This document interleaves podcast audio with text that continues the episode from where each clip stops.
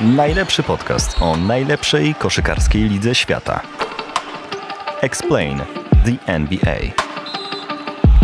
Analizują i wyjaśniają Mirosław Noculak i Radosław Spiak. Tylko na desport.pl. Słoneczko świeci, ptaszki śpiewają, na ulicach można kupić konwalie, a to znak, że jesteśmy w drugiej połowie maja i właśnie kończą się, choć jeszcze nie skończyły się, finały konferencji. Witaj Mirosławie. Witaj, tak tradycyjnie e, zacznę e, taką piosenką Grzesiucha chyba, nie? Przespanej nocy zna... No tak. Tak, no. osiem e, z rzędu, osiem z rzędu nocy oglądałem na żywca. To jest nauk. Wiem, że to jest nierozsądne, ale nie da się inaczej. Natomiast dzisiaj nagrywamy ten podcast w środę, będziesz mógł zrobić sobie przerwę, bo O! jedna seria finałów konferencji już się zakończyła. Nie będzie pierwszego razu w historii NBA, kiedy obie serie finałów konferencji skończą się 4 do 0. E, Do pary Miami z Bostonem e, przejdziemy za chwilę. Najpierw zajmiemy się e, tym zestawieniem, które już skończyło grać, a skończyli grać Denver Nuggets i Los Angeles Lakers. Najlepsza drużyna zachodu po sezonie zasadniczym jest także najlepsza na zachodzie w playoffach. Denver wygrali tę serię 4 do 0. Zaskoczony, że tak łatwo? Znaczy Tak. łatwo, no w sensie Tak. sa- same zwycięstwa nie przyszły łatwo, ale bardziej mi chodzi o to, że Lakers w ogóle nie wygrali ani jednego meczu. Tak, tak, bo, bo ja nie, nie typuję, jak wiesz, nigdy, ale nie spodziewałem się, że to się skończy 4-0, bo jednak e, Lakers, i to trzeba podkreślić, może na początku powiemy o pokonanych.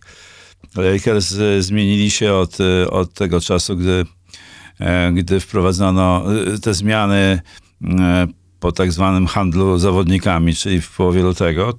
Bardzo. Deadline, tak. Tre- Tak, tutaj deadline to bardzo się zmienili na korzyść i tutaj widzę zarówno e, rolę e, e, Roba, Roba, dobrze pamiętam, Pelinki i no i samego Darwina Hama, początku debiutującego tenera, e, który jednak ten zespół mm, bardzo ciekawie w tak krótkim czasie skonsolidował.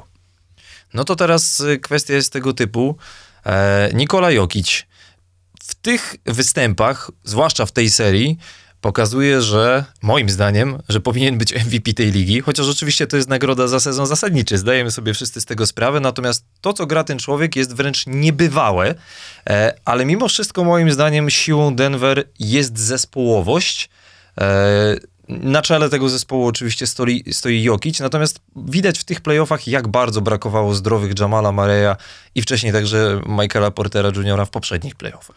Tak, to e, zdecydowanie no, odniosę się krótko do, do, mm, do MVP, e, MVP sezonu zasadniczego. Od początku uważałem, że Jokic powinien go dostać, ale tam padły głosy takie tych znawców, którzy głosowali na, na, na Embida, że, że on nigdy nie był w finałach, że nigdy nie był mistrzem. No to chłopcy, poczekajcie sobie, y, bo być, po pierwsze już w finale Jokic jest NBA, a kto wiecznie nie zostanie mistrzem, tego nie przesądzam, ale taka opcja istnieje. Więc Jokic dla mnie od początku był mm, graczem, który jest najwszechstronniejszy w tej lidze i Embiid owszem e, pokazał się z bardzo dobrej strony w tym sezonie, ale gdzie mu do Jokicza? No to teraz, e, jak popatrzymy na liczby e, Nikoli Jokicia z tych playoffów, średnio prawie 28 punktów, 14,5 zbiórki, prawie 12 asyst, czyli średnio triple-double w najważniejszej części sezonu, w sytuacji, kiedy jesteś traktowany jako faworyt i musisz udźwignąć tę presję. Przypomnijmy, Denver w pierwszej rundzie 4-1 z Minnesotą, potem 4-2 z Phoenix i teraz 4-0 z Los Angeles Lakers. Czy twoim zdaniem, niezależnie od tego, z kim zagrają w finale z Miami czy z Bostonem, to będą faworytem? Nie, bym, nie, nie, nie, nie, nie, nie, nie lubię takich e, typów, ale, ale wyglądają bardzo dobrze. I jeżeli się nic nie zmieni w grze e, Denver, a szczególnie Jokicza i Mareja, choć e, pozostali są bardzo ważni, to będą bardzo poważnym kandydatem do tytułu. I są ba- bardzo poważnym kandydatem do, tytułu. No, tytułu. no to w czym tkwi siła Denver Nuggets już tak bardziej szczegółowo, twoim zdaniem? Jokic Murray, ten duet jest zabójczy dla, dla przeciwników, bo, bo y, Murray miał taką serię w tym, e, w tym, w tym, w tej właśnie serii zdobytych punktów, w, w tej rywalizacji z Lakers, zdaje się 31, 37, 37 i 25 w ostatnim, więc to, e, to jest niesamowite. Skuteczność rzutów za trzy o, wysoka, ponad 40% i tak dalej, i tak dalej. To samo Jokic. Więc, mm, a, więc ci dwaj gracze decydowali o, o wysokości wyniku, a właściwie o, w dużym stopniu o zwycięstwie, ale trzeba jednak powiedzieć, że całe to combo e, e, Nuggets jest bardzo wyrównane, bo, bo bardzo dobre mecze ma i, i Porter Junior, Michael Porter Junior, który w pierwszym meczu bodaj miał problemy z trafianiem, ale, ale potem już, już wrócił do, takiego, do takiej dyspozycji rzutowej. No, mój ulubiony Bruce Brown jest, e, jest rewelacją tego, tego, tego mm, finału, był rewelacją tego finału. E, Coldwell Pop również e, robi swoje i co najbardziej mnie zdziwiło, bo naj, najmniej widoczny był Aaron Gordon, ale w ostatnim meczu naprawdę pokazał, pokazał się z jak najlepszej strony i w obronie, i w ataku, ponad 20 punktów, i zbiórki, wszystko grał. Ja właśnie chciałem wyróżnić ze swojej strony Arona Gordona, dlatego że on w tych playoffach musiał kryć Karla Antonego Townsa, Kevina Duranta, LeBrona Jamesa, i w meczu zamykającym tę serię pokazał też, jak przydatnym graczem, oczywiście pokazywał to też wcześniej, tylko niekoniecznie regularnie, pokazał, jak bardzo przydatnym graczem może być w ataku, również wtedy, kiedy to jest koniecznie, a nie wtedy, kiedy Denver po prostu gra dobrze, prowadzi i wygrywa, bo przecież Denver po, w czwartym meczu, po pierwszej połowie przegrywało, o ile dobrze pamiętam, 15 punktami.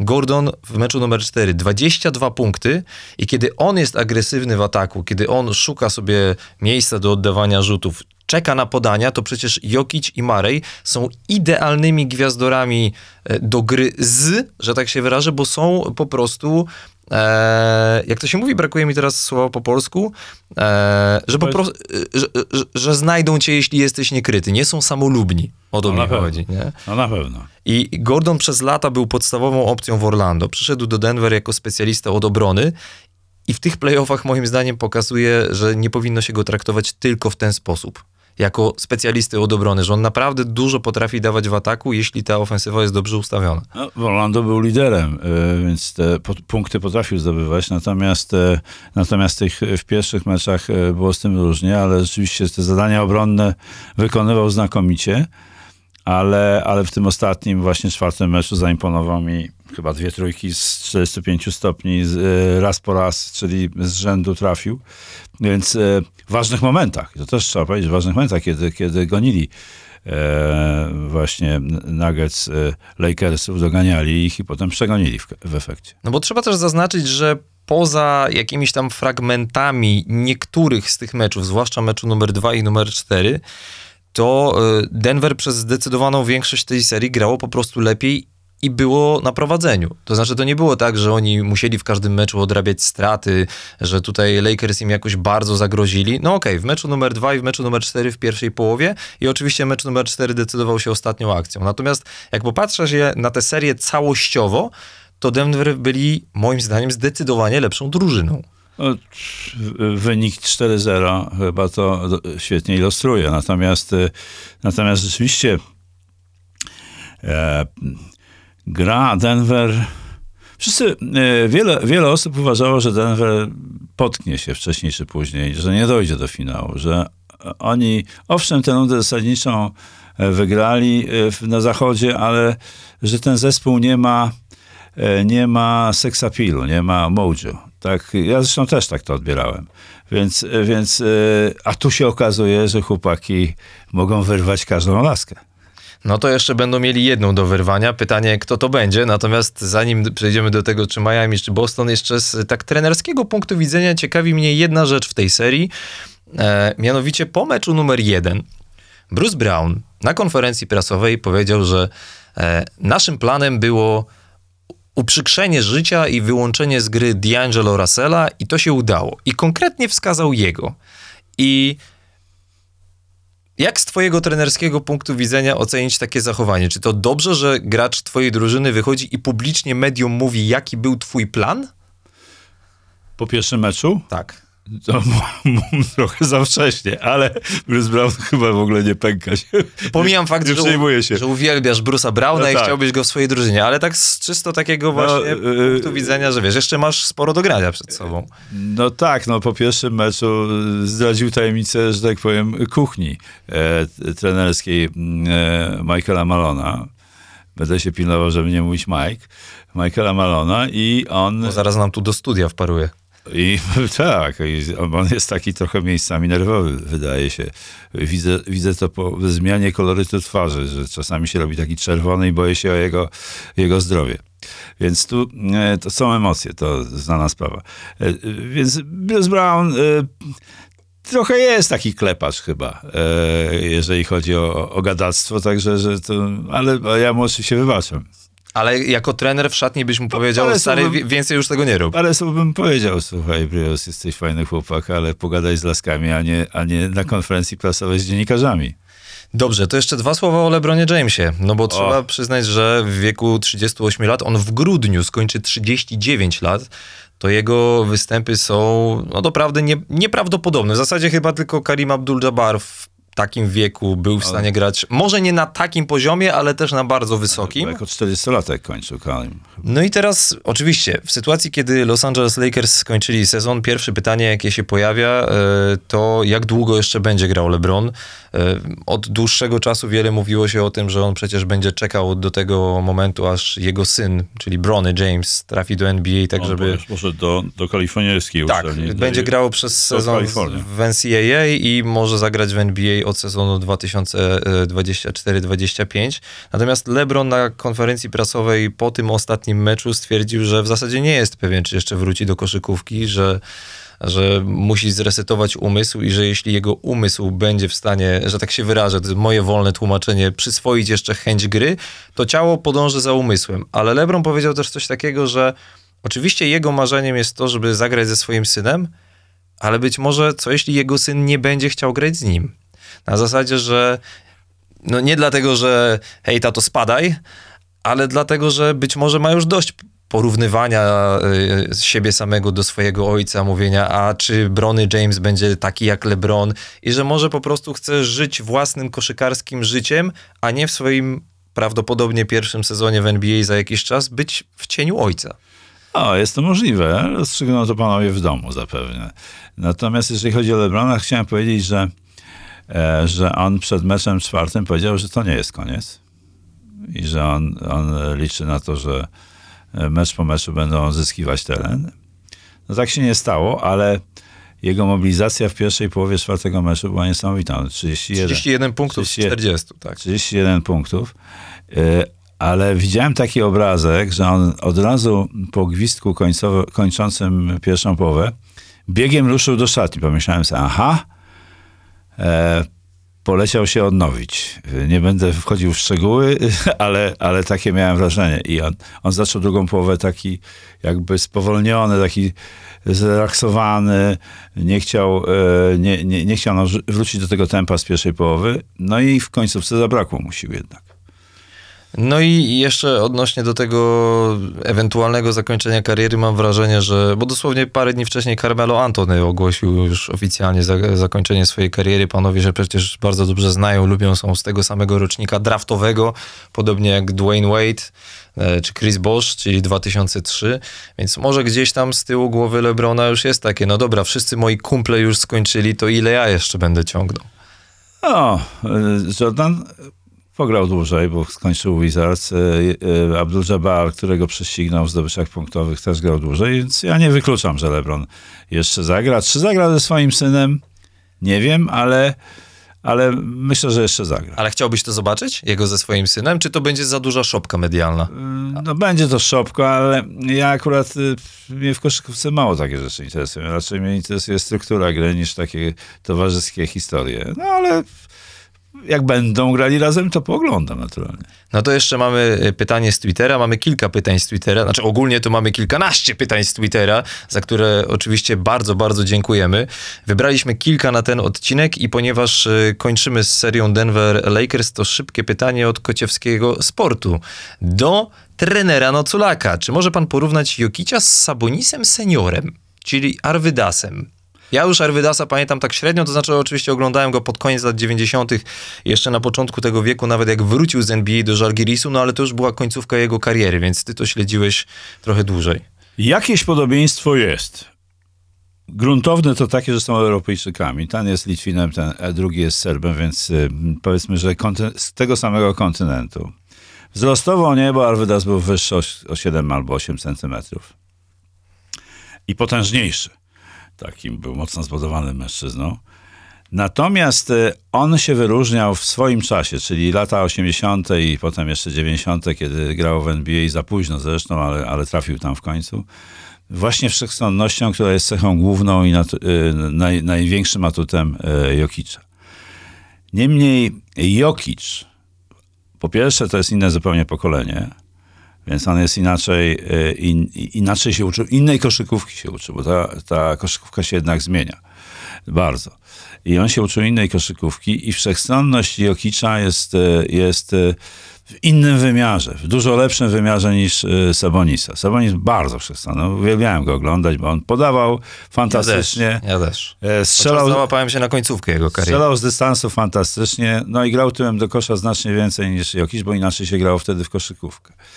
Więc, e, e, więc tutaj i, te, i też e, średnio bronił, podobnie jak Jokic. Więc bardzo duże podobieństwa, ale jednak uważam, że akceleracja rozwoju cywilizacyjnego wskazuje na Jokicza, że to jest lepszy gracz.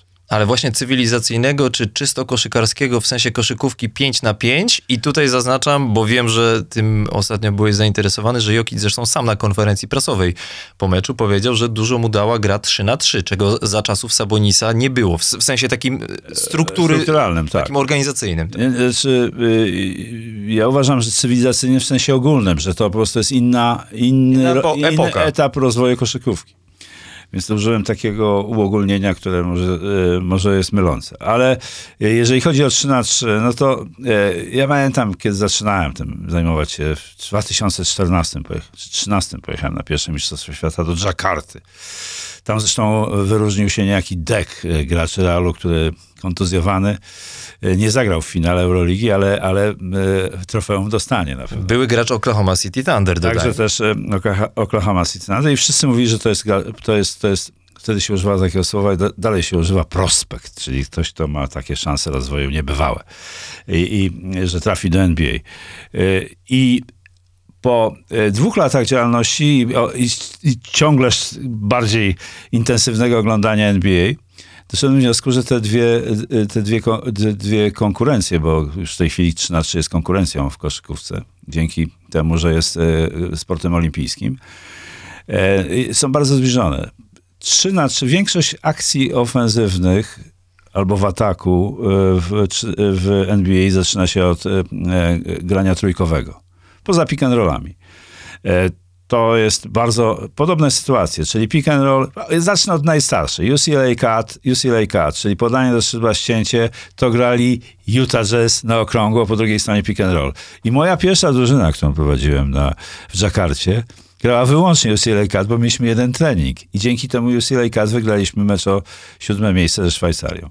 Ale y, po, po prostu struktura rzutów jest od dawna, e, wiem, że jest taka jak, jak w NBA, czyli 50-50 już dzisiaj, tak? Czyli 50% rzutów spod kosza i 50% z obwodu.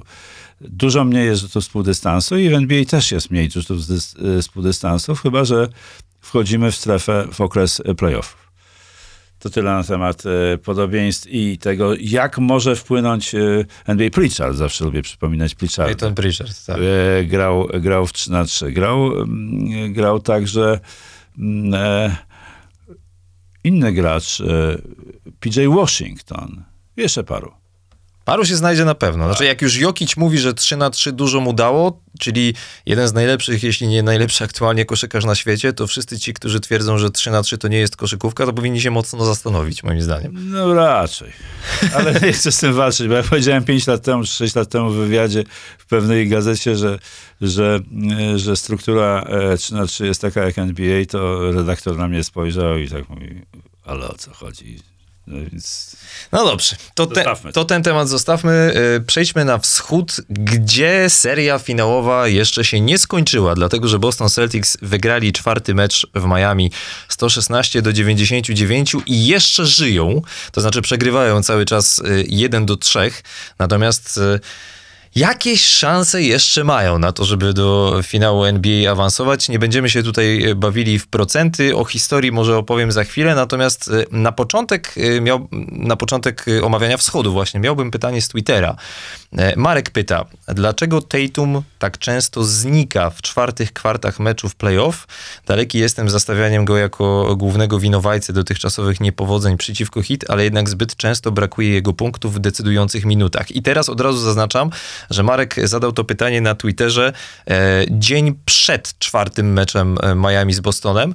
No i faktycznie w tych dwóch pierwszych meczach w Bostonie Tatum w czwartych kwartach był praktycznie niewidoczny. Oczywiście parę rzutów oddał, ale to było dosłownie kilka. W czwartej kwarcie meczu numer 3 w ogóle go nie było na boisku.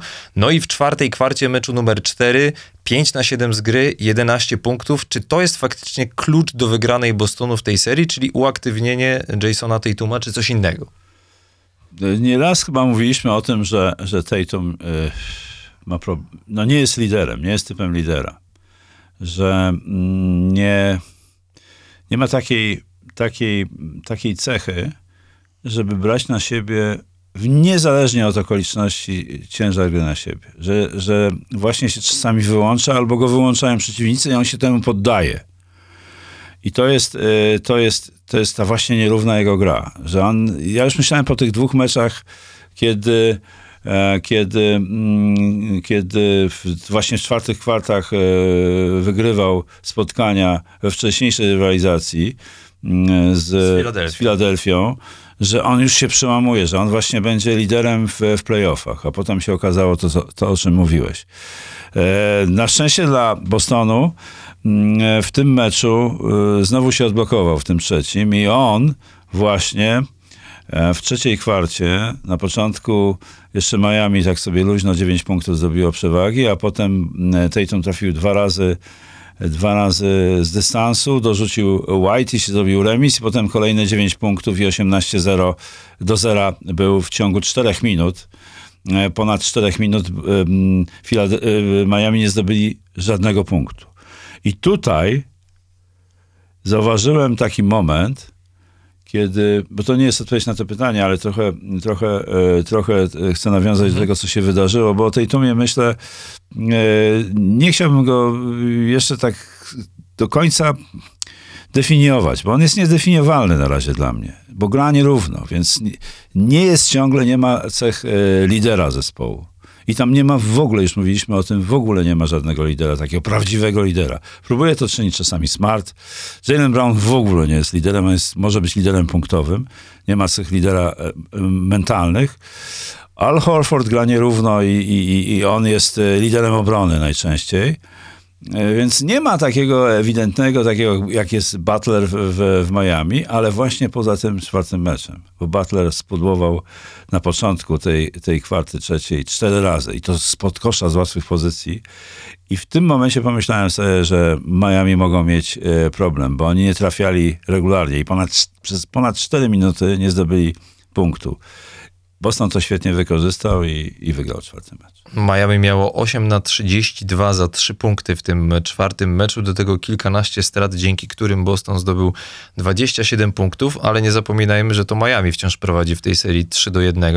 Tak, i, no i, prowa- i, i miał zdecydowanie lepsze osiągnięcia w rzutach z dystansu, co jest ogromnym zaskoczeniem. Przecież Boston to miał przed, przed tym serią, był liderem. 39% skuteczności i najwięcej oddanych rzutów w playoffach. No i w tym meczu numer 4 też 40% skuteczności i wygrane. Zdaje się w poprzednim odcinku naszego podcastu przytaczałem taką statystykę, że Boston kiedy trafia za 3 ze skutecznością co najmniej 40%, to rzadko kiedy przegrywa, a poniżej 40 to jest praktycznie pół na pół. To były oczywiście statystyki z sezonu e, zasadniczego i kwestia jest teraz co do tej serii po, po czterech meczach, skoro ta seria je- jeszcze trwa. Ja mimo wszystko na tę serię, trochę tak z dziennikarskiego punktu widzenia, nie będę ukrywał, patrzę jako na, na zasadzie, co się dzieje z Bostonem. Co z nimi jest nie tak? Że to przecież druga drużyna wschodu po sezonie zasadniczym, że przegrywa dwa mecze u siebie, jest 0 do 3 i za chwilę może zakończyć sezon. A może powinniśmy popatrzeć jednak na zasadzie, e, jak pyta na przykład Michał Gabiński na Twitterze, pozdrawiamy Michała, e, w czym tkwi siła Miami Heat? No właśnie to jest, y, to jest też zagadka. swoista, chociaż można na nią odpowiedzieć po pierwsze. Eric Spoelstra. Według mnie najlepszy trener obecnie w NBA i to, co on zrobił e, z tym zespołem od rundy zasadniczej, a właściwie od tego play-in, gdzie ledwo, ledwo awansowali z, z poko pokonując no, dosyć skomplikowanej rywalizacji z Chicago, e, poprzez przegrali pierwszy mecz play z Atlantą wyraźnie, a, z Chicago udało, udało, im się wygrać, bo tam nie było wcale. Też takie, przegrywali w czwartym tak, kwarcie. Nie było to przekonujące. A potem nagle wszystko wygrywali, co trzeba. I to jest. e, I, i ja, moja teoria jest taka, że Alex Spoelstra po prostu przez cały sezon budował drużynę nie pod względem formy, jak to niektórzy pewno będą myśleli, tylko pod względem relacji i synergii zespole. Synergia to jest takie słowo też trudne do zmierzenia, ale, e, ale Jak chemia. jak chemia i tak dalej, to są takie e, słowa, które, którymi się czasami... Wytrychy, tak. Wytrychy posługujemy się i nie bardzo do końca potrafimy je racjonalnie wyjaśnić. Synergia to jest po prostu coś, co jeżeli połączymy y, Gabe'a Vincenta z, z, z Butlerem, to każdy z nich z osobna y, jest niezły, ale jak razem grają i współpracują i, i są w takim dobrym duchu y, współpracy, no to są lepsi y, niż y, sami y, razem, niż sami w pojedynkę. Więc te elementy występują. I tutaj na jakby takim lekkim dowodem, znaczy nie jakby, tylko takim lekkim dowodem na to, co mówię, jest to, jaką rolę odgrywają ludzie, którzy nigdy nie byli w drafcie. Czterech graczy, którzy, którzy no, zdobywają w trzecim meczu 79 punktów zdobyli. E, czyli Duncan Robinson, zaczynam od, od ale przede wszystkim, wszystkim Caleb Martin e, robi na mnie ogromne wrażenie. Zresztą w pierwszej połowie tego czwartego meczu miał 100% skuteczność, a potem tak jak wszyscy, siadł, mówiąc krótko, tak kolok- kolokwialnie. Więc ci czterej, Strus jeszcze do tego, Max Strus i e, Gabe Vincent są po prostu e, w otoczeniu Butlera i innych e, ważnych graczy, bo trzeba wspomnieć o ważnych, takich dwóch ważnych graczach, którzy, którzy tam niosą to ważne doświadczenie, czyli jak się zdobywa mistrzostwo NBA, czyli Kyle Lowry i, i Kevin Love. To, to oni po prostu wchodzą na takie obroty, na takie szczyty, na których nigdy ich nie widzieliśmy. No dobra, to zanim ja powiem e, parę zdań na temat tej serii, to jeszcze jedno pytanie z Twittera, trochę a propos, dlatego zadaję je teraz. Bo Sebastian pyta, czy zgadzają się panowie z tezą, że poza aspektem czysto sportowym, wspaniałe serie w wykonaniu Butlera i Jokicia, to jednak doświadczenie taktyczne Spelstry i Malona wpłynęło na taki przebieg tych finałów konferencji? Ja bym powiedział tak, że nie zdziwię się, jeżeli ci dwaj trenerzy dowiozą swoje drużyny do finału. No jeden już to zrobił. E, Michael Malone już to zrobił, natomiast, natomiast e, Eric Spelstra jest bardzo blisko, ale jeszcze ciągle nie. To jest przede wszystkim Spelstra, to, są, to jest ileś tam finałów, dwa, dwa tytuły e, finałów konferencji, dwa tytuły e, mistrzowskie, więc to jest bardzo doświadczony trener. I to jest taki trener, który ma odwagę właśnie stosowania niestandardowych rozwiązań. Czyli zarządzanie takimi... To, ja to uważam, że to jest niestandardowe. Zarządzanie graczami, którzy nigdy nie byli w drafcie. To się upieram przy tym, bo to jest bardzo ciekawy wątek dla mnie. Jak on, jak on ich wkomponował w grę na najwyższym poziomie w NBA. E, Poszukiwania, jeżeli chodzi o obronę. E, Różne rodzaje strefy. Wczoraj zastosował tę strefę w takim momencie krytycznym i na moment to przyniosło skutek, ale, ale Boston roz, rozbił ją rzutami z dystansu. Mieli chyba 18 celnych trójek wczoraj, y, czy dzisiaj w nocy. Więc to, mm, to jest, to jest y, poważny, poważny, poważny dorobek. I, y, i Tak, 18 na 45. tak, powyżej 40, tak jak, jak powiedziałeś wcześniej. Także tutaj e, e, Spelstra, doświadczenie Spelstry i, i, i Michaela Malona. Z drugiej strony są debiutanci.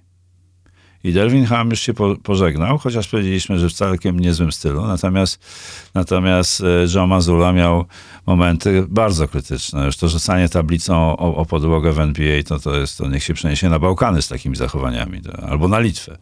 Bo to tam, tam są tacy trenerzy, którzy rzucają tablicami o podłogę i uważają, że to jest na miejscu. To ja bym się skupił właśnie na Joe Mazzuli, dlatego że spadła na niego naprawdę duża krytyka już w trakcie serii e, z Filadelfią w tych półfinałach konferencji, kiedy Boston przegrywał 2 do 3.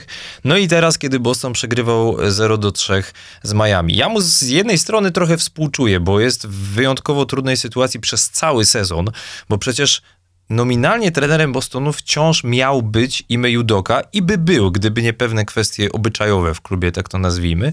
I człowiek, który tak naprawdę tylko dwa sezony siedział w drugim rzędzie sztabu szkoleniowego, w zasadzie za ławką rezerwowych, ma poprowadzić drużynę do mistrzostwa NBA, bo taki był cel Bostonu na starcie tego sezonu. I radził sobie całkiem nieźle. Ok, Boston zajął drugie miejsce na wschodzie po sezonie zasadniczym, wszystko spoko, przeszli pierwszą rundę z trudem, ale przeszli drugą. Ale w tej serii z Miami mam wrażenie, mimo wszystko, i to jest z drugiej strony, że Matsura jednak się pogubił.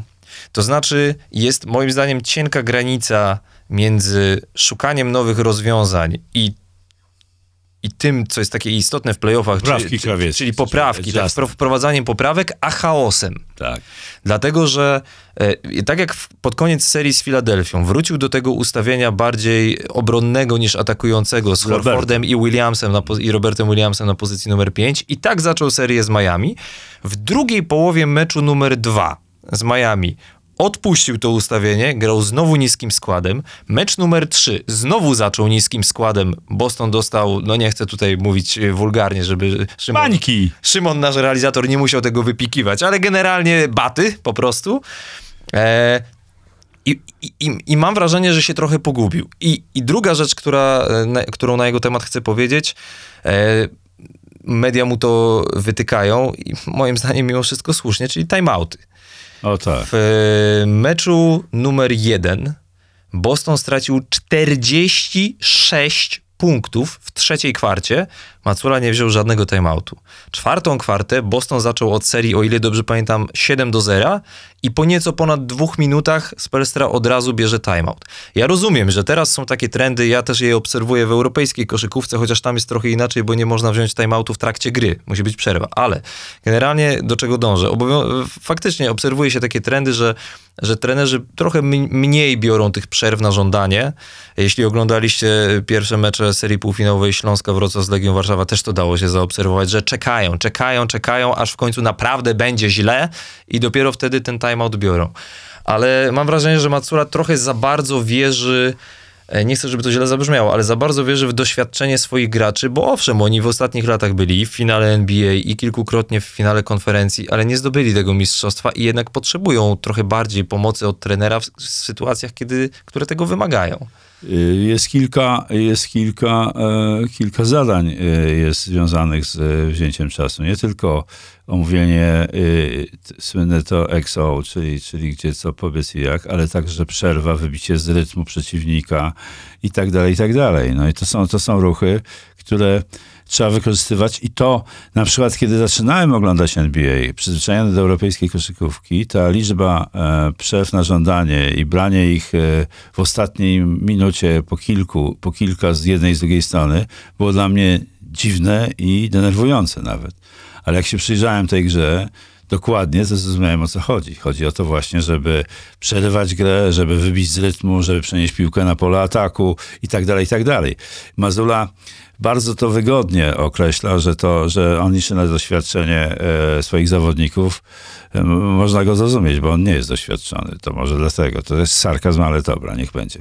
E, natomiast tłumaczenie, że, że przerwa na żądanie również działa na korzyść przeciwnika, że mogą ustawić obronę i tak dalej, i tak dalej, no to jest już zupełnie na dzieci nada, bo wiadomo, że każda przerwa, którą bierze jeden trener jest jest okazją do e, właśnie wprowadzenia poprawek przez drugiego, więc tutaj e, to, to, to, co ty wymyślisz, ma być lepsze od tego, co wymyśli e, albo zauważy, co ty masz, co chcesz zagrać. Przeciwnik.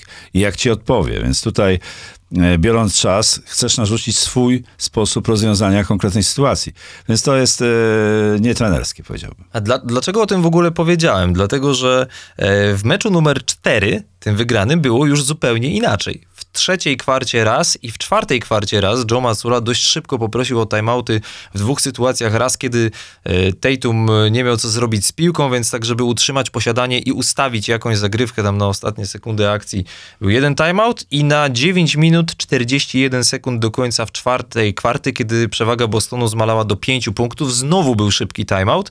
Markus Smart, potem kamery to pokazały, że, że usiadł na krześle trenerskim i w sytuacji, kiedy sztab szkoleniowy Celtics się naradzał, bo tak, tak jest często, to, Zawsze tak. to najpierw Smart tłumaczył, co i jak ma być grane i dopiero potem Matsula przyszedł. To jest oczywiście standard, natomiast chodzi mi o sam fakt tego szybszego e, przywołania timeoutu i pamiętam bardzo, bardzo dobrze, że kilkanaście lat temu, kiedy Doc Rivers był trenerem Bostonu, też miał ten sam problem, że wytykano mu to, że czeka z tymi timeoutami, że pamiętam taką serię z Indiana Pacers. No pamiętasz, gdzie- jak w bańce przysypiał yy, prowadząc Clippersów? No To też. To już w ogóle dramat był. Ale, ale te kilkanaście lat temu, jeszcze przed mistrzostwem z Bostonem, pamiętam bardzo dobrze taką serię z Indiana Pacers, gdzie Steven Jackson walił truje za trują. Pierwsza, druga, trzecia, nie ma timeoutu.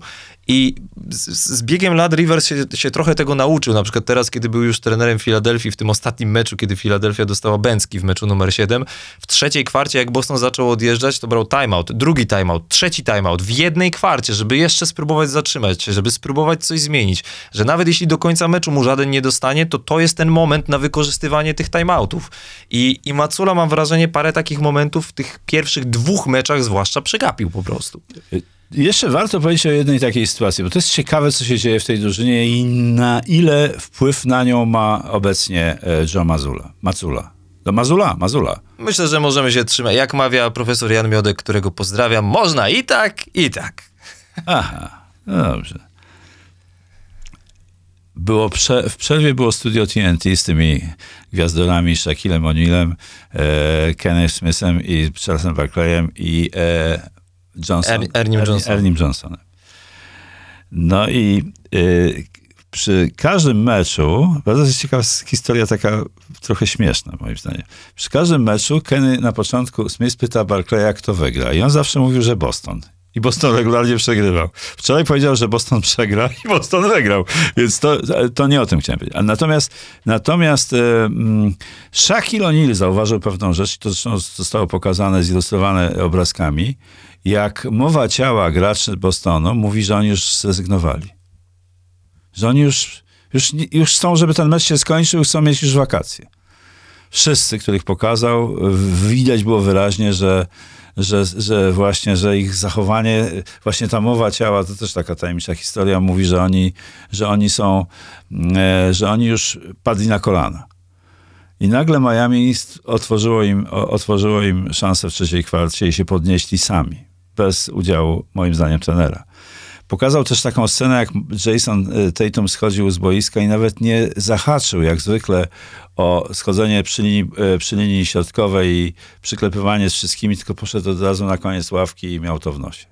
Więc to, to już było takie, y, takie, takie, no to pokazuje, że Joe Mazula moim zdaniem stracił tam taki, taki kontakt z, z zespołem i sam zespół pozwolił mu, nie wiem na, w, w jakim stopniu, odzyskać y, pozycję, wygrywając, y, wygrywając y, dzisiaj w nocy z Miami. Że być może to będzie taka zmiana, bo oni wiedzą, że to jest niedoświadczone. Gracze doskonale wiedzą. Wiesz, bo, to przepraszam, że ci wejdę w słowo, bo wiesz, jakie ja mam wrażenie? Ja mam trochę wrażenie, że zwłaszcza gwiazdy, czyli Tatum i Brown, wiedzą, że jak Boston przegra tę serię, no już w tym momencie nieważne, czy 1 do 4, czy 3 do 4, to i tak największa krytyka spadnie na trenera. Oczywiście i e, Mazula, jeżeli przegra tę serię, moim zdaniem e, może stracić posadę. Może stracić, bo to za dużo jest takich rzeczy, które, e, które, o których mówiliśmy nawet dzisiaj, na poziomie NBA, a szczególnie finału konferencji, nie powinno mieć miejsca w zachowaniach trenera. To jeszcze jedno pytanie e, odnośnie do tej serii do ciebie, Mirosławie, i przejdziemy do następnego tematu. Miałeś okazję komentować w Kanal Plus mecze numer 1 i 2 tej serii w Bostonie.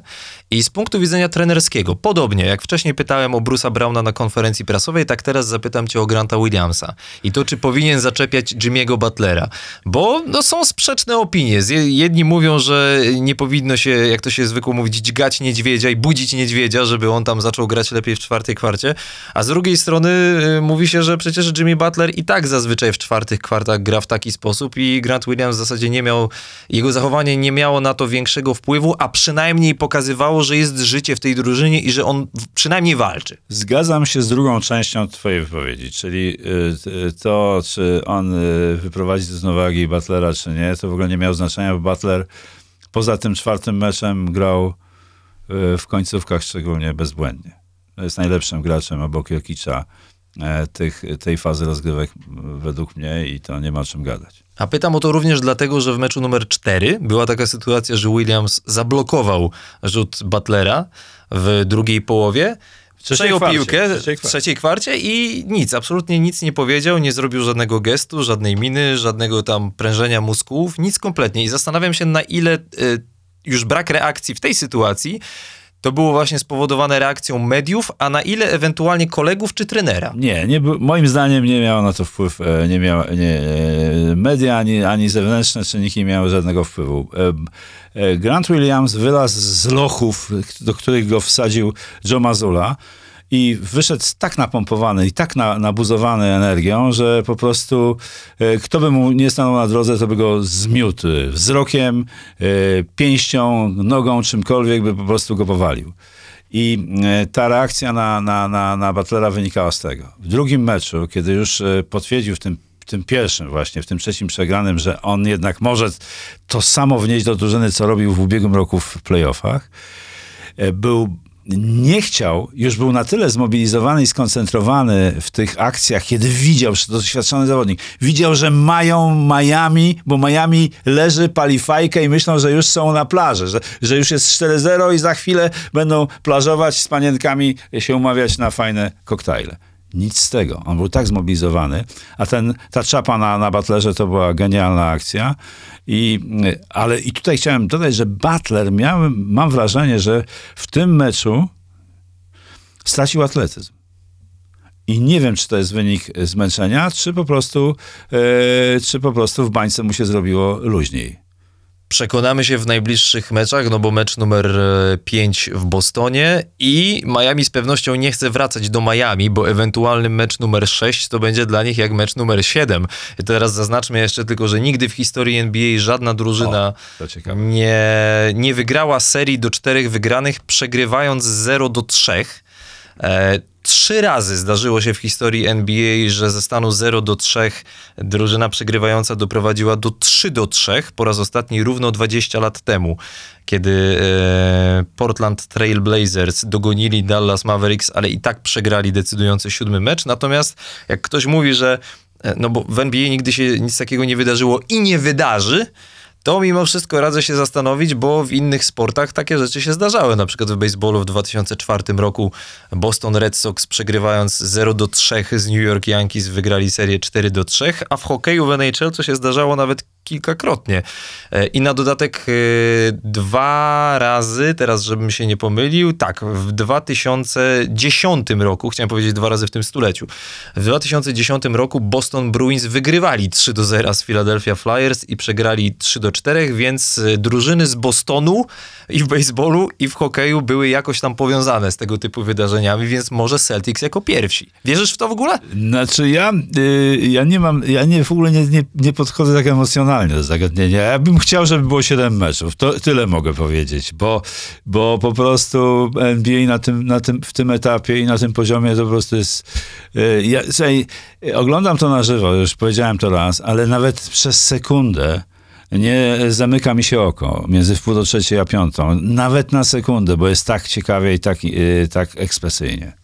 No i żeby ta seria trwała jak najdłużej, to będziemy mieli jeszcze o czym rozmawiać a propos tej serii e, w najbliższym odcinku. E, Kończymy przegląd meczów finałów konferencji. Jeszcze chcielibyśmy chwilę porozmawiać o drużynach, które odpadły w półfinałach konferencji, zwłaszcza, że dwie e, z tych drużyn e, już e, szukają nowych trenerów. Phoenix Suns zwolnili Montiego Williamsa, Philadelphia 76ers zwolnili Doka Riversa. Co do tego drugiego nie jestem przesadnie zaskoczony, co do tego pierwszego troszeczkę. E, Natomiast zacząłbym od tego, teraz ja pozwolę sobie zacząć, że mimo wszystko, mimo że krytyka na Doku Riversie jest uzasadniona o tyle, że on też ma swoje za uszami. Natomiast dziwi mnie trochę to, co mówił Joel Embiid po siódmym przegranym meczu z Bostonem, bo MVP ligi, wybrany, uznany za najlepszego gracza tej ligi, mówi coś takiego, że nie da się wygrywać meczów w pojedynkę. Ja nie jestem w stanie tego zrobić. E, My z Jamesem nie jesteśmy w stanie wygrywać meczów. Jamesem My z. Jamesem. Czyli, że co? Czyli, że ty to jesteś świętoszek i zrzucasz winę na kogo? Na Tyrisa Maxeya, na Tobiasa Harrisa, na PJ'a Tegera? Takera w zasadzie na kogo zrzucasz tę winę? Że na trenera? Jakieś straszne, samolubne myślenie u, u Embida się ujawniło po tym siódmym meczu. A jak myślisz, ile książek przeczytał Joel Embiid?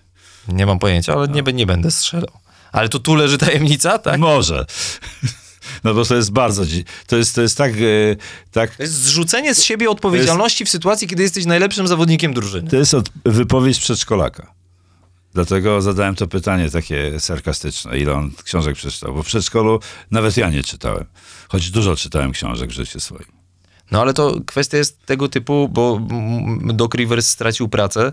E, Na ile faktycznie to jest wina zawodników, a na ile Doca Riversa? Bo jeszcze tylko chciałem zaznaczyć, że e, jak to jest możliwe, że James Harden w jednej serii ma mecze z 45 i z 42 punktami, a w decydującym meczu numer 7 trafia 3 na 11. I to nie chodzi o to, że trafił 3, tylko że oddał 11 rzutów. To coś tu jest nie tak. Pytanie, gdzie jest źródło tego problemu? No na pewno nie jest to, e, nie jest to wina trenera. Taka skuteczność gracza, tak doświadczonego. Ale taka liczba oddanych rzutów? E, no, to- to jest, to jest strzelec. Pamiętajmy, że on, on, ma, on, ma, on ma, ma do tego zielone światło, żeby te rzuty wykonywać. Także to tyle, że nieskuteczny. No więc to albo w sferze emocjonalnej, albo w, albo w przygotowaniu.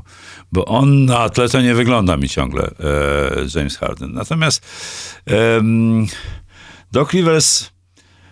Ja mam wrażenie, że on, że on y, właśnie w tym, w tym meczu, tym decydującym, nawet, nawet y, miałem wrażenie, że on niewiele, niewiele pomagał swojemu zespołowi. Ale potem znalazłem na Twitterze y, taką analizę przez, zrobioną przez jakiegoś trenera, na, prawdopodobnie przez taki specjalny program Synergy y, do analizy y, tych, tych spotkań i e, y, meczów i e, pokazywał różne rozwiązanie, które stosował, e, proponował Doc Rivers e, swoim graczom w obronie, tyle tylko, że oni je źle wykonywali. Za wolno, za późno podwajali, tak jak to robił Boston we wcześniejszych meczach. Boston we wcześniejszych meczach w ogóle nie bronił, można powiedzieć, e, bo, bo spóźniał się przy, e, przy walce na szczycie, e, w, przy pick and rollu, przy podwajaniach, był mało agresywny, także szło podanie do wolnego gracza i, i Miami zdobywali z tego punktu, więc jednak Doc Rivers coś tam robił, bo ja byłem przekonany też nie, bo to jak, jak, jak, jak dopiero jak przejrzysz to w, przez, e, ze skupieniem, to widzisz, jakie były decyzje.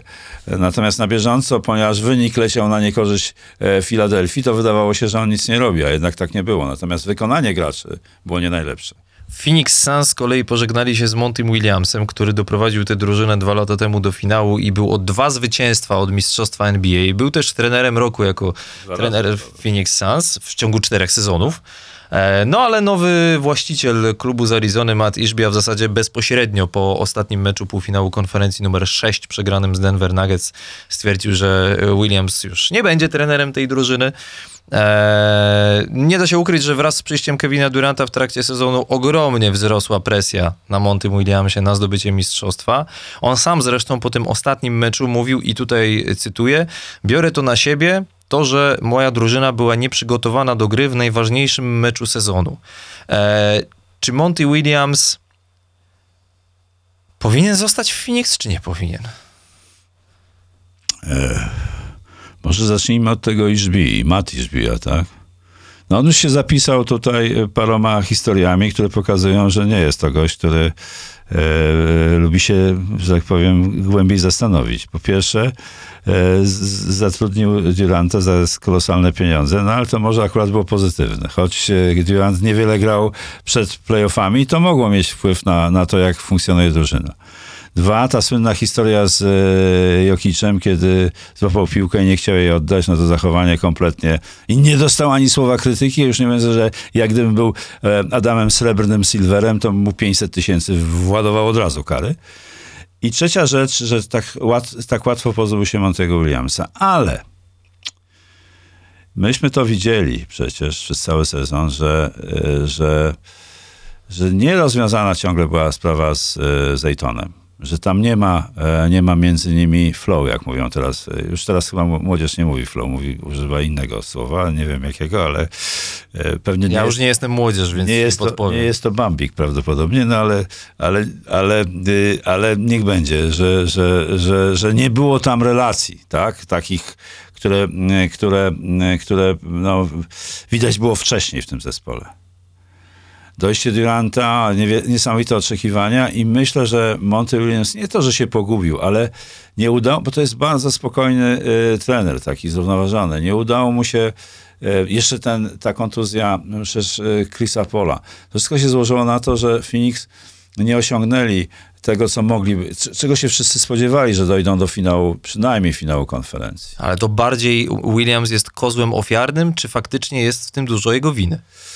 Nie wiem, nie jestem w stanie tego, tego w tej chwili na, te, na, na, na to pytanie odpowiedzieć jednoznacznie, czy to jest y, dużo jego winy. No to, że nie zapanował nad takimi drobiazgami, które mogły mieć wpływ na, na, na grę zespołu, no to jest jego wina, na, bez wątpienia. Natomiast mm, e, nie wiem, jak wyglądała analiza tego, e, tej sytuacji, czy w ogóle taką przeprowadzono w Phoenix, jeżeli chodzi o, o, o to, czy Williams powinien zostać trenerem, czy nie. Oni wiedzą na pewno na ten temat dużo więcej, szczególnie e, GM. No i teraz ciekawe jest to, że Doc Rivers, zwolniony z Filadelfii, jest w finałowej czwórce kandydatów do przejęcia Phoenix Suns chociażby. Obok Nika Nersa, zwolnionego z Toronto, także, także obok asystenta Steve'a Kera z Golden State i byłego głównego trenera chociażby Brooklyn Nets, czyli Kenny, Kennego Atkinsona i byłego e, koszykarza i niedawno asystenta w Toronto, czyli Adriana Griffina. Ja tylko chciałem zaznaczyć, że niezależnie od tego, który z panów, a może jakiś inny, będzie nowym trenerem Phoenix, to ta drużyna nie ma za bardzo, e, jakby to powiedzieć, możliwości przebudowy w tym sensie, że ściągając do siebie Kevina Duranta, Matt Ishbia jako właściciel, jako klub, oddali cztery niezastrzeżone numery w pierwszej rundzie draftu, oddali Mi- Michaela Bridgesa, oddali Camerona Johnsona, więc ktokolwiek przyjdzie, to z grubsza rzecz ujmując, będzie musiał wygrywać z tym, co jest, kto jest, chyba, że jeszcze oczywiście Phoenix pozbędą się Aytona, co jest, co jest możliwe. Jest możliwe. To jeszcze Golden State Warriors, e, bo tutaj też jedna bardzo ciekawa sytuacja. Ogólnie mam jakieś takie wrażenie, nie wiem, czy się zgodzisz Mirosławie, że playoffy jakoś tak e, wzbudzają większą szczerość wśród e, i koszykarzy, i trenerów w NBA. A mówię o tym dlatego, że Steve Kerr, po tym jak Golden State przegrali serię z Los Angeles Lakers, medium powiedział coś takiego. Bo to jest y, w, w, w odpowiedzi na analizę całego sezonu. Ja oczywiście na początek tylko podkreślę, że Golden State y, bilans meczów wyjazdowych 11 wygranych, 30 porażek. Byli y, najszybciej grającą drużyną całej ligi, ale byli drudzy od końca w powrocie do obrony. E, nie byli w stanie bronić bez faulowania przeciwko Los Angeles Lakers, a Lakers świetnie wykorzystywali dużą liczbę rzutów wolnych, ale Steve Kerr uważa, że największym problemem jego zespołu był brak zaufania. Cytat. Za każdym razem, kiedy traci się trochę zaufania, wtedy cały proces jest zdecydowanie trudniejszy, a my u nas straciliśmy do siebie nawzajem trochę zaufania. Tak szczery, jestem tak szczery, jak tylko mogę. I co sądzisz po pierwsze na temat tego, że Kerr, trochę podobnie jak w przypadku Bruce'a Browna wcześniej jako zawodnika, że powiedział to wprost mediom e, i o czym to świadczy? To, że powiedział wprost medium, to jest e, moim zdaniem Bo to jeszcze tylko zaznaczę, bo to się odnosi y, nawet do tej sytuacji sprzed sezonu, No, z Jordanem Poolem, no Draymond. Green uderzył Jordana Pula na treningu. e, Myśmy nieraz mówili na ten temat, że... że, że Ja mówiłem, że to się będzie ciągnęło przez cały tak, sezon. Tak, tak. I Że Możecie odsłuchać stare odcinki. Spokojnie, e, absolutnie też tak uważałem od początku, że ta sytuacja nie będzie miała ogromny wpływ na, na, na to właśnie, na tę tak zwaną chemię w zespole, że, że, to, że, to, że tego się tak łatwo nie da odbudować i I Steve Kerr to powiedział i to potwierdził, bo, bo to chodziło głównie o Jordana Pula, o tę całą sytuację. Ja myślę, że ta trójka weteranów, e, Grant, e, Thompson i, i nie, nie do końca zaakceptowała tego, tego Jordana Pula z takim e, no, nieodpowiedzialnym zachowaniem i to, że ten Jordan Poole grał, który był rewelacją poprzedniego sezonu i dostał niesamowity kontrakt, grało ile? 30-40%. No, moim zdaniem nie jest wart tych pieniędzy, ale okej. Absolutnie. O- Okazało się, że nie jest wart tych pieniędzy. Więc, e, więc tutaj, e, tutaj, no i te, i te, i te przegrane na wyjeździe w tej, w takiej liczbie, to też świadczą o tym, że tam nie było, nie było takiego ducha, takiego właśnie to, o czym mówi Kel, takiego, takiej, e, takiego zaufania wzajemnego, tego, tego ducha zespołowości, kiedy, kiedy właśnie jak grasz na wyjeździe i y, grasz na obcym terenie, to musisz narzucić swoją, e, swoją, swój, e, swój pomysł na grę. I, i jak, jak nie ma dobrych połączeń między graczami, to nie zadziała taka historia. No bo u ciebie niosą cię zazwyczaj trybuny, No tak, kibice i tak dalej, na wyjeździe to wygląda trochę inaczej. Jeszcze Musisz sam to zrobić z siebie, właśnie. I to jest właśnie dojrzałość, tak? Jeżeli nie ma tej dojrzałości, nie ma tego zaufania, no to nie działa. To jeszcze e, dwa cytaty ze Steve'a Kera, bo mówił dużo i mówił bardzo ciekawie. E, Nie będę ukrywał, incydent z Draymondem i Jordanem na początku e, sezonu miał duże znaczenie i trudno jest, żeby to nie miało wpływu na zespół. I teraz w sytuacji, kiedy no, nawet nie wiadomo, czy Draymond Green zostanie w tym zespole na przyszły sezon, bo może ma opcję w kontrakcie przedłużenia jeszcze na rok za prawie 28 milionów dolarów, ale też mówi się, że jeśli odejdzie dyrektor sportowy, czyli Bob Myers, to może odejść też Draymond Green. I teraz Steve Kerr jako trener mówi, jeśli Draymond Green nie będzie z nami w następnym sezonie, Przeczytam po angielsku, żeby nie było, że jakoś źle przetłumaczę. Look, if Draymond is not back, we're not a championship contender. Czyli jeśli nie będzie Draymonda Greena, nie będziemy kandydatami do mistrzostwa. I znowu, brutalna szczerość. Jak pozostali zawodnicy mogą na to patrzeć, że to faktycznie tylko od Draymonda zależy? No bo Stephen Curry, Clay Thompson, ktoś Nie, inny nie myśli teraz... czytałbym tego tak. Nie, nie, nie, nie. nie, No, nie no nie, właśnie to dlatego nie. jestem bardzo ciekawy z takiego trenerskiego punktu Nie, nie, nie, nie, nie. To, to w ogóle nie ma nic wspólnego z, z uderzeniem w, w pozostałych. To tylko Nie, nie, ale, podkreśla. nie, nie, ale przepraszam, Nie. To, to jeszcze tylko przepraszam, ale nie chodzi mi o to, żeby w ten sposób uderzać w pozostałych, tylko że pozostali pomyślą sobie, ale przecież bez Draymonda też sobie damy radę. O czym on mówi? e, nie pomyślą tak. Dlatego, że myślę, że i Thompson, i Curry uważają, że Draymond Green jest nie, niezbędnym elementem układanki tej drużyny. Tak jest, taka jest moja opinia, mimo że jesteśmy 100 mil od, od e, 100 tysięcy mil od, od, od San Francisco czy, czy Oakland, e, to uważam, że, że to zdanie, e, które może być odczytane różnie, tak jak zresztą ty to troszeczkę zinterpretowałeś, moim zdaniem, moim zdaniem jest dosadne i konkretne. Ci, na, ci, którzy decydują o tym zespole, mają zaufanie do Raymonda Greena i wiedzą, że bez niego będzie trudno się odbudować. Bez niego będzie trudno, ale z nim też może być trudno, bo to już na koniec Steve Kerr mówi tak, że jednym z jego zadań, jeśli wróci, będzie to, żeby odbudować zaufanie i szacunek, które miał długo wcześniej przed tym incydentem. Czyli muszą się kogoś pozbyć. Albo jego, albo Pula. Ciekawe kogo. Ciekawe kogo. E, dobrze, nasi szanowni słuchacze, jeszcze jeden krótki temat został nam e, do omówienia na koniec tego odcinka e, Explain the NBA. Za nami loteria draftowa. Wiktor Wembaniama. Miroso już tutaj delikatnie podśmiechuje, bo czeka aż pojawi się w NBA, żeby dopiero wyrazić swoją opinię na jego temat. Natomiast musisz przyznać Mirosławie i nie da się ukryć, że biorąc pod uwagę skalę medialnego zainteresowania, no to można to porównać tylko z przyjściem LeBrona Jamesa do NBA równo 20 lat temu. I loterię draftową y, wygrali San Antonio Spurs, a więc klub, w którym gra Jeremy Sochan. No i teraz mamy pytanie z Twittera od Grzegorza. Jak dobre dla Sochana jest to, że San Antonio wylosowało jedynkę w drafcie, czy to, że Francuz skupi całą uwagę obrony rywali i otworzy więcej szans w ataku dla Polaka, czy San Antonio będzie powoli budowało skład, czy już w tym sezonie, w sensie w najbliższym, będą szukać jakiegoś wzmocnienia składu? Pytanie jest do GM-a e, San Antonio, czy oni chcą, czy oni chcą, znaczy ta druga część pytania, bo pierwsza to, czy Wembanyama zrobi więcej e, miejsca do gry e, do gry m, Jeremiemu Sochanowi. To zależy od tego, jak, jaki przyjmie, jaką przyjmie koncepcję w ataku e, Greg Popowicz. Jeżeli będzie go wyrzucał na zewnątrz, to Jere- Jeremy Sochan będzie miał dużo miejsca do gry jeden na jednego, a jeżeli będzie grał pod koszem, to rola Jerem- Jeremiego będą zbiórki w ataku i, i ewentualnie jakieś korzystanie z zasłon y, Wembaniamy na jakieś alejupy. Tak sobie tak na szybko teraz to wyobrażam.